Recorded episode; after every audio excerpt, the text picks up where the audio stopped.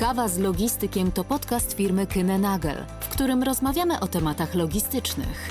Przybliżamy kwestie związane z transportem i organizacją łańcucha dostaw oraz przedstawiamy aktualną sytuację rynkową. Po to, byś zawsze był na bieżąco dla swojego biznesu. Zapraszamy do wysłuchania.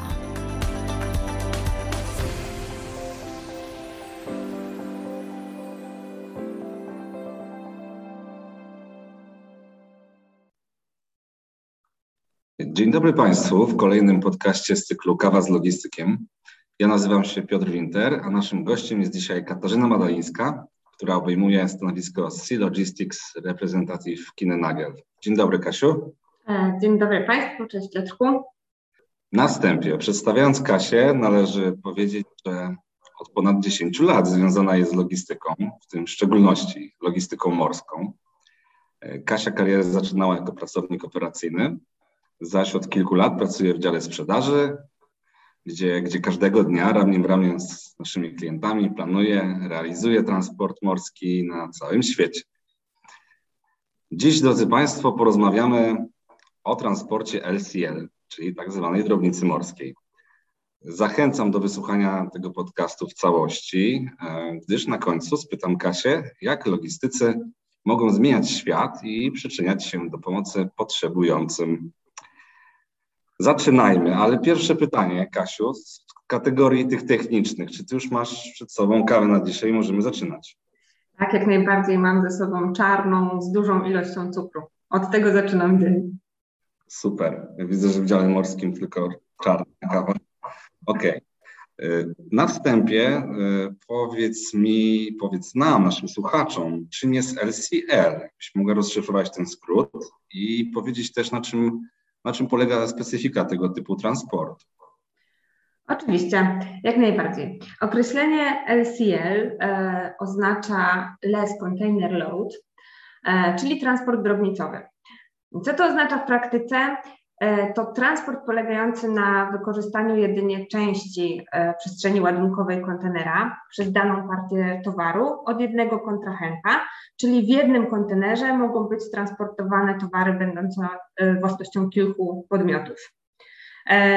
Jeden kurs, na przykład z punktu A do punktu B, dzielony jest zatem na towary kilku podmiotów, podobnie jak e, koszty dostawy w tym wypadku, ponieważ jest to transport łączony, czyli tak jak wspomniałam, w jednym kontenerze mogą się znajdować ładunki kilku podmiotów. E, jest to dość wygodne rozwiązanie, szczególnie dla mniejszych firm, ale nie tylko, które wysyłają, wysyłają niewielkie partie ładunków, e, które nie wypełnią pełnej przestrzeni kontenera i pozostawiają tak zwany dead space, czyli tą właśnie pustą przestrzeń. E, w takim przypadku zdecydowanie lepszym wyborem jest podzielenie kosztów z innymi przedsiębiorcami, którzy mają e, do przetransportowania mniejsze partie towaru. E, czyli ta metoda sprawdza się w przypadku niewielkich ładunków, ale mogą być też większe ładunki transportowane. Natomiast istotą jest to, żeby waga tych ładunków nie e, zutylizowała pełnej wagi maksymalnej, jaką możemy załadować do tego kontenera. Czyli jeżeli mamy ładunek objętościowy, a lekki, jest to idealny ładunek też, żeby transportować go w kontenerze e, drobnicowym. Okej, okay, no dobra, czyli mówiąc krótko, jest tak, że powiedzmy mam jedną paletę, nie opłaca mi się rezerwować całego kontenera, więc w tym jednym kontenerze znajdują, znajduje się 20 palet różnych kontrahentów i cena rozbija się na 20 podmiotów, tak? I co i tutaj, co warto podkreślić, to jest to, y, zatem trzy takie rzeczy, na których bazuje transport drobnicowy. To są przede wszystkim preferencje klientów, czyli to właśnie, jaki towar oni mają do y, przetransportowania.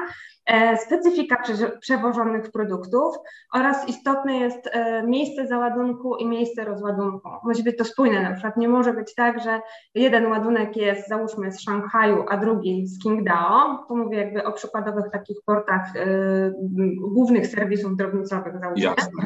Musi być to jakby w obrębie jednej lokalizacji, gdzie następnie następuje na magazynach w kraju nadania tak zwana konsolidacja Przerwam Ci, bo już wiemy, na czym polega i ja chcę właśnie drążyć dalej. Natomiast w naszych podcastach y, lubimy mówić obrazami, więc zróbmy teraz tak, że ja się wcielam w tą rolę klienta i wyobraziliśmy sobie, że to jest mój zupełnie pierwszy tego typu transport y, morski, drobnicowy LCL y, w życiu. Przychodzę do ciebie, Kasiu, i mówię, mam paletę 150-kilową, dajmy na to z motocyklem i chcę, to, y, chcę go przewieźć z Chin do portu w Gdyni. Przeprowadź mnie przez ten proces.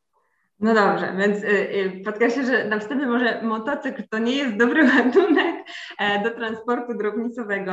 To, dobra, to niech to będą spodnie Dobra, tak, dokładnie. E, ale tak najprościej rzecz ujmując, mamy jedną paletę 150 kg do przewiezienia. Weźmy sobie na przykład jakiś przykładowy port chiński Szanghaj w tym wypadku. Okay. Od czego zaczynamy? Przede wszystkim najważniejsze jest znalezienie odpowiedniej firmy, która, firmy spedycyjnej, która w swojej ofercie zawiera usługi e, transportowe z transportem drobnicowym, czyli będzie mogła nam taką paletę w kontenerze drobnicowym przewieźć. Jako Kinenagel posiadamy sieć swoich biur i magazynów na całym świecie, więc to jest dosyć e, istotnym punktem.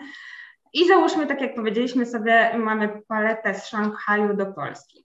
Najważniejszą rzeczą na wstępie jest określenie warunków e, transportowych ze, swoich, ze swoim kontrahentem po stronie chińskiej. E, I tutaj chciałabym mocno zachęcić Państwa do odwiedzenia naszej strefy klienta na naszej stronie, gdzie znajdą Państwo e, opis warunków transportowych, a także ciekawe webinary, jeśli chodzi o wybór, wybór e, mm, warunków transportowych. Okej, okay, czyli mamy to, z, łapiemy te, to właściwe Incoterms, tak? Tak. Jest Ty już wiesz, jak, jak chcę, na jakich zasadach chcę przetransportować tą paletę. Tak. E, w następnym kroku rozumiem, że mnie wyceniasz. Jeszcze chwilka, jest to dość, jeszcze wracając do warunków e, transportowych, jest to dość istotne, gdyż warunki transportowe określają nam gestię transportową, podział odpowiedzialności, podział kosztów i ryzyka. Więc jeżeli już mamy tą rzecz określoną, e, to wówczas przechodzimy do wyceny. I załóżmy, mamy sobie tą paletę, naszą przysłowiową, 150 kg z Szanghaju, i chcemy ją przetransportować e, do Polski. I mamy warunki FOB Shanghai, czyli to oznacza, że gestia transportowa leży po stronie polskiej.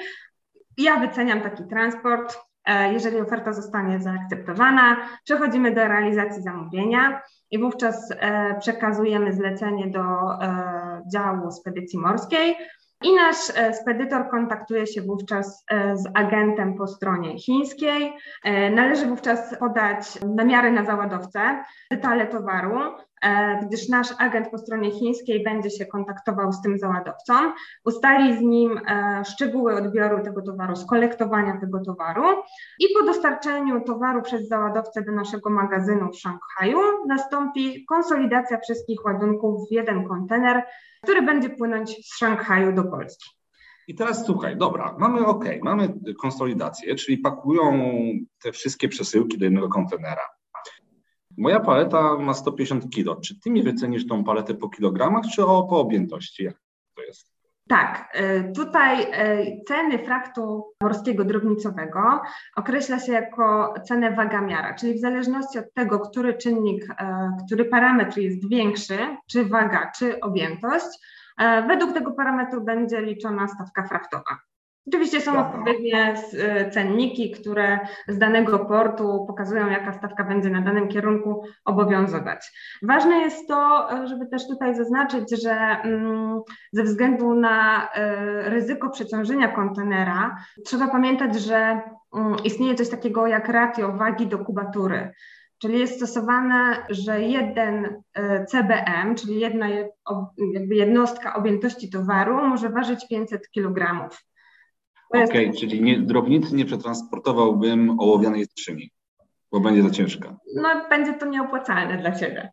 I rozumiem po, tym, po tej konsolidacji, jak powiedziałaś, y, kontenera jest ładowany na statek i płynie do Gdyni. Płynie sobie do Gdyni, Gdańska, jakiegokolwiek portu tak naprawdę w Polsce, e, ale załóżmy, że wpływa do Gdańska. I po wpłynięciu towaru do portu w Polsce kontener jest wyjmowany z portu i jedzie sobie do nas na magazyn w Gdańsku, gdzie następuje tak zwane rozformowanie kontenera, czyli wyjęcie ładunków e, z kontenera i złożenie ich na magazynie celnym. I tam jest nadawany odpowiedni status celny dla każdej z przesyłek. i po zakończeniu wszystkich procedur celnych i zwolnieniu towaru przez urząd celny, taki ładunek może być swobodnie wprowadzony w obrót i jedzie sobie do klienta finalnego. Okej. Okay. Nie to, żebym był pesymistą, ale wyobraźmy sobie sytuację, że jedna z tych przesyłek w kontenerze, nie nasza, jest pod pewnym względem niewłaściwa. Nie wiem, powiedzmy, że urząd celny przychodzi i mówi, proszę otworzyć ten kontener, bo tam jedna przesyłka jest niewłaściwa bądź podejrzana. Czy nasz ładunek też będzie zatrzymany łącznie z tą jedną z 20 przesyłek? Czy ponosimy konsekwencje y, in, innych przesyłek, że tak powiem? Jedyno, jeżeli Urząd Celny y, zażyczy sobie otworzenia kontenera w porcie, to y, jedyną rzeczą, konsekwencją, jaką my poniesiemy, to będzie czas. Niestety wydłuży nam to sama rewizja celna w kontenerach w porcie. Będzie się wiązała z tym, że czas oczekiwania na naszą przesyłkę troszkę się wydłuży ze względu na procedury celne. Natomiast e, w, jeśli chodzi o z reguły odbywa się to tak, że jeżeli magazyn celny jest gdzieś blisko portu, blisko urzędu, to Urząd może przyjść i sobie zrewidować tą przesyłkę już na magazynie celnym, czyli po rozformowaniu kontenera, jak te ładunki wszystkie są złożone na magazynie celnym, to zapraszamy Urząd Celny do siebie na magazyn i tam Urząd Celny dokonuje okay. rewizji, nie mając wpływu już na pozostałe inne ładunki, które już mm, załóżmy są w trakcie swoich procedur celnych i mogą jechać do odbiorców. Kasiu, myślę, że mamy już pełen obraz całego procesu yy, transportu drobnicy morskiej i, i mówisz z takim zapałem, że tak nasunęło mi się pytanie, czy są jacyś wśród spedytorów bądź sprzedawców, wyznawcy transportu LCL i SCL? Czy jeden transport ma przewagę nad drugim? To może zaczniemy od tej pierwszej części. E, jest przy transporcie morskim drobnicowym. Na tym jakby e, się wychowałam, że tak powiem, wychowałam branżowo, więc przypuszczam, że dlatego e, bardziej preferuję ten rodzaj transportu. To, co chciałabym powiedzieć, jak to wygląda z punktu widzenia klienta, przedsiębiorcy, osoby transportującej. Jest to wygodna opcja dla wszystkich, którzy chcą transportować mniejsze partie towaru. O tym już sobie wcześniej powiedzieliśmy, czyli takich towarów, które nie zapełniają, e, nie wykorzystują e, pełnej przestrzeni kontenera. E, I wówczas, tak jak wspomniałam wcześniej, koszty takiego transportu są zdecydowanie mniejsze. I tutaj należy też wspomnieć, że e, transport kontenerem drobnicowym jest trochę dłuższy niż transport pełnego kontenera, gdyż wymaga e, dodatkowych czynności manipulacyjnych po jednej i po drugiej stronie. Czyli załóżmy, jakby wracając do naszej przysłowiowej palety e, z Szanghaju, wymaga to czasu, żeby właśnie skonsolidować ten ładunek, zgromadzić tą odpowiednią ilość ładunków na dany kontener, a po stronie polskiej z kolei rozformowanie tego kontenera też wymaga czasu. Ale z drugiej strony należy też podkreślić, że serwisy drobnicowe to są serwisy cotygodniowe i one są regularne, więc ryzyko przesunięć, rolowań armatorskich, czy też problemy z dostępnością sprzętu e, są zdecydowanie mniejsze. A, już rozumiem. No dobra, w ogóle nie brałem tego pod uwagę, ale to ciekawe. Okej, okay, bo mamy też klientów, jak powiedzieliśmy, którzy po prostu będą skazani na tą drobnicę, przepraszam, tak mówię, bo mają małe ładunki. Są ci, którzy może mają wypełnienie kontenera w całości, ale wyobrażam sobie, że mogą i tak y, część towaru y, wysyłać drobnicą. A na co zwraca y, z Twoich obserwacji klient uwagę, wybierając partnera logistycznego, spedytora? Mm, znowu tutaj powiem z własnego doświadczenia i z, własnego, mm, jakby z własnych obserwacji. Wymieniłabym takie trzy czynniki, którymi należy się kierować przy wyborze firmy spedycyjnej. Jest to doświadczenie. Chyba większe zaufanie budzi firma, która jest zdecydowanie y, dłużej na rynku, e, ma doświadczonych pracowników i wie, co robi. No jakby tego chyba nie trzeba tłumaczyć. Drugą taką rzeczą, na którą bym zwróciła uwagę, to dostępność i kompleksowość serwisów, czyli wachlarz usług, jakie oferuje dana firma spedycyjna, która nie jest nastawiona tylko na jeden produkt, ale może zaproponować alternatywę, nie tylko cenową, ale też e, jeśli chodzi o czas transportu, dobrać odpowiednią usługę do po prostu preferencji e, klienta. No i trzecia rzecz to wiarygodność i przejrzystość. To chyba jakby przy wyborze każdej usługi, nie tylko spedycyjnej, jest to dosyć istotna kwestia przy wyborze usługodawcy. Wymieniłaś te trzy czynniki, natomiast nasuwa mi się jeszcze jeden. Otóż trend ekologii, dbania o planetę, niwelacji śladu węglowego. Czy to nie jest też ważny czynnik przy tym, w tym momencie y, decyzyjnym u klienta przy wyborze operatora logistycznego? Tak, jak najbardziej. E, zdecydowanie ostatnimi czasy można zaobserwować taki trend, że jest to dosyć istotny czynnik dla e, klientów. Nie wiem, czy to za sprawą kampanii społecznych prowadzonych w mediach, czy też po prostu świadomości, e, rosnącej świadomości nas wszystkich tak naprawdę. I coraz większe znaczenie ma dla klientów to, jaki ślad węglowy stawia za sobą transport ich e, przesyłek. I biorąc pod uwagę fakt, że około 7% całkowitej emisji dwutlenku węgla pochodzi z globalnego transportu i swobodnie można to przyrównać do trzykrotności emisji dwutlenku węgla miasta przemysłowego, typowego miasta przemysłowego na przykład w Niemczech, e, no to, to pozwala nam dostrzec e, skalę problemu. E, I nie mamy alternatywnej planety póki co i każdy ruch i każda chociaż najmniejsza inwestycja e, pozwalająca na redukcję e, CO2, czy też no, dobrze by było na całkowitą kompensację, jest na wagę złota. I dla Kinenagel to właśnie jest inwestycja we wspólną przyszłość. Dlatego wprowadziliśmy program Net Zero Carbon i na przykład w, w przypadku właśnie transportów mm, drobnicowych taki transport jest neutralny węglowo, czyli całkowicie kompensujemy e, emisję CO2. E, I jak to wygląda w praktyce? Obliczamy emisję CO2 dla transportowanych ładunków i kupujemy tak zwane kredyty węglowe. I te kredyty węglowe są sposobem na finansowanie projektów, które ograniczają lub usuwają dwutlenek węgla z, z atmosfery jeden kredyt węglowy to certyfikat, który pozwala właścicielowi uwolnić około jednej tony CO2 do atmosfery. Czyli całkowicie kompensujemy. Są to różne projekty. To są projekty, y, które pozwalają nam na przykład nam sadzić drzewa, na przykład. Mm-hmm, mm-hmm. Myślę, że, że też y, rośnie świadomość co do wyboru niskoemisyjnych y, armatorów, prawda? Zdecydowanie. No, tutaj nie można ukrywać, że nadal jakby jeszcze dodatkowo w tych pandemicznych czasach nadal główną y, rolę przy wyborze operatora odgrywa cena. Tutaj nie ma się co oszukiwać. Natomiast y, świadomość konsumencka bardzo szybko y, rośnie i fakt tej neutralności węglowej jest, nabiera mocy i jest coraz bardziej ważny. Świetnie to słyszeć. Miejmy nadzieję, że ta świadomość będzie wciąż rosła. Kasiu, na początku podcastu wspomniałem i obiecałem naszym słuchaczom, że zapytam Cię o to, jak logistyka i ludzie logistyki mogą pomagać i przyczyniać się do pomocy potrzebującym. I mam tu na myśli w szczególności jeden z projektów pomocy dla Bejrutu. Powiedz nam proszę o tej akcji. Tak, e, na co dzień angażuję się w miarę możliwości we wszelkie akcje charytatywne, e, jakie tylko mogę. Tak, i tutaj właśnie z Kinenagel świetnie się zgrywamy, e, gdyż e, jako firma prowadzimy i angażujemy się w różne projekty, które mogą za sobą nieść e, dobro. Powiedziałabym to tak, że to jest taki nasz wirtualny transport paczek z dobrem. Ale jest jedna taka akcja, która, z której ja jestem szczególnie dumna.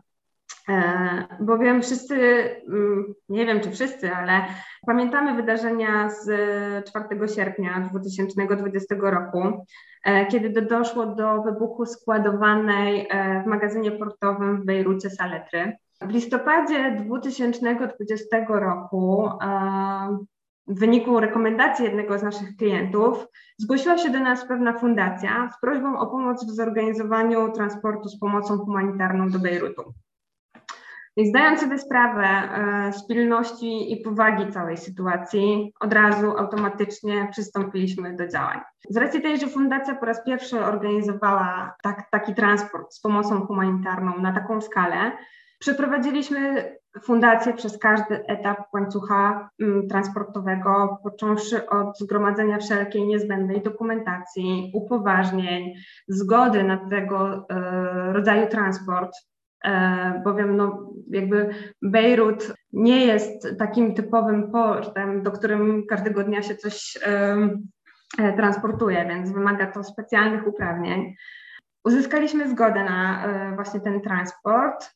Co to, co to co było? Co to było? To były jakieś kontenery, tak? E, to znaczy tak, to był kontener, e, kontener serc, jak to nazwała fundacja. To był kontener z, ze środkami czystości, bo tego najbardziej brakowało wówczas w Bejrucie, e, ale także taki transportowaliśmy mm, składany domek, który miał posłużyć jako magazyn dla, dla, dla, dla właśnie dla pomocy, bo nie było gdzie tego transportować, e, trzymać.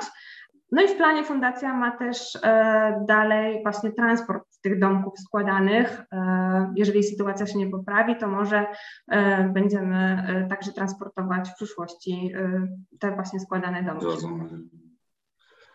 Okej, okay. świetnie, świetnie, że oprócz właśnie codziennej pracy można też przyczyniać się do tak, tak ważnych inicjatyw. Kasiu, no dzisiaj to wszystko. Ja Ci bardzo, bardzo dziękuję za naszą rozmowę. Ja również. E, państwu również dziękuję za wysłuchanie tego podcastu i zapraszam na kolejne podcasty z cyklu Kawa z Logistyki. Do usłyszenia.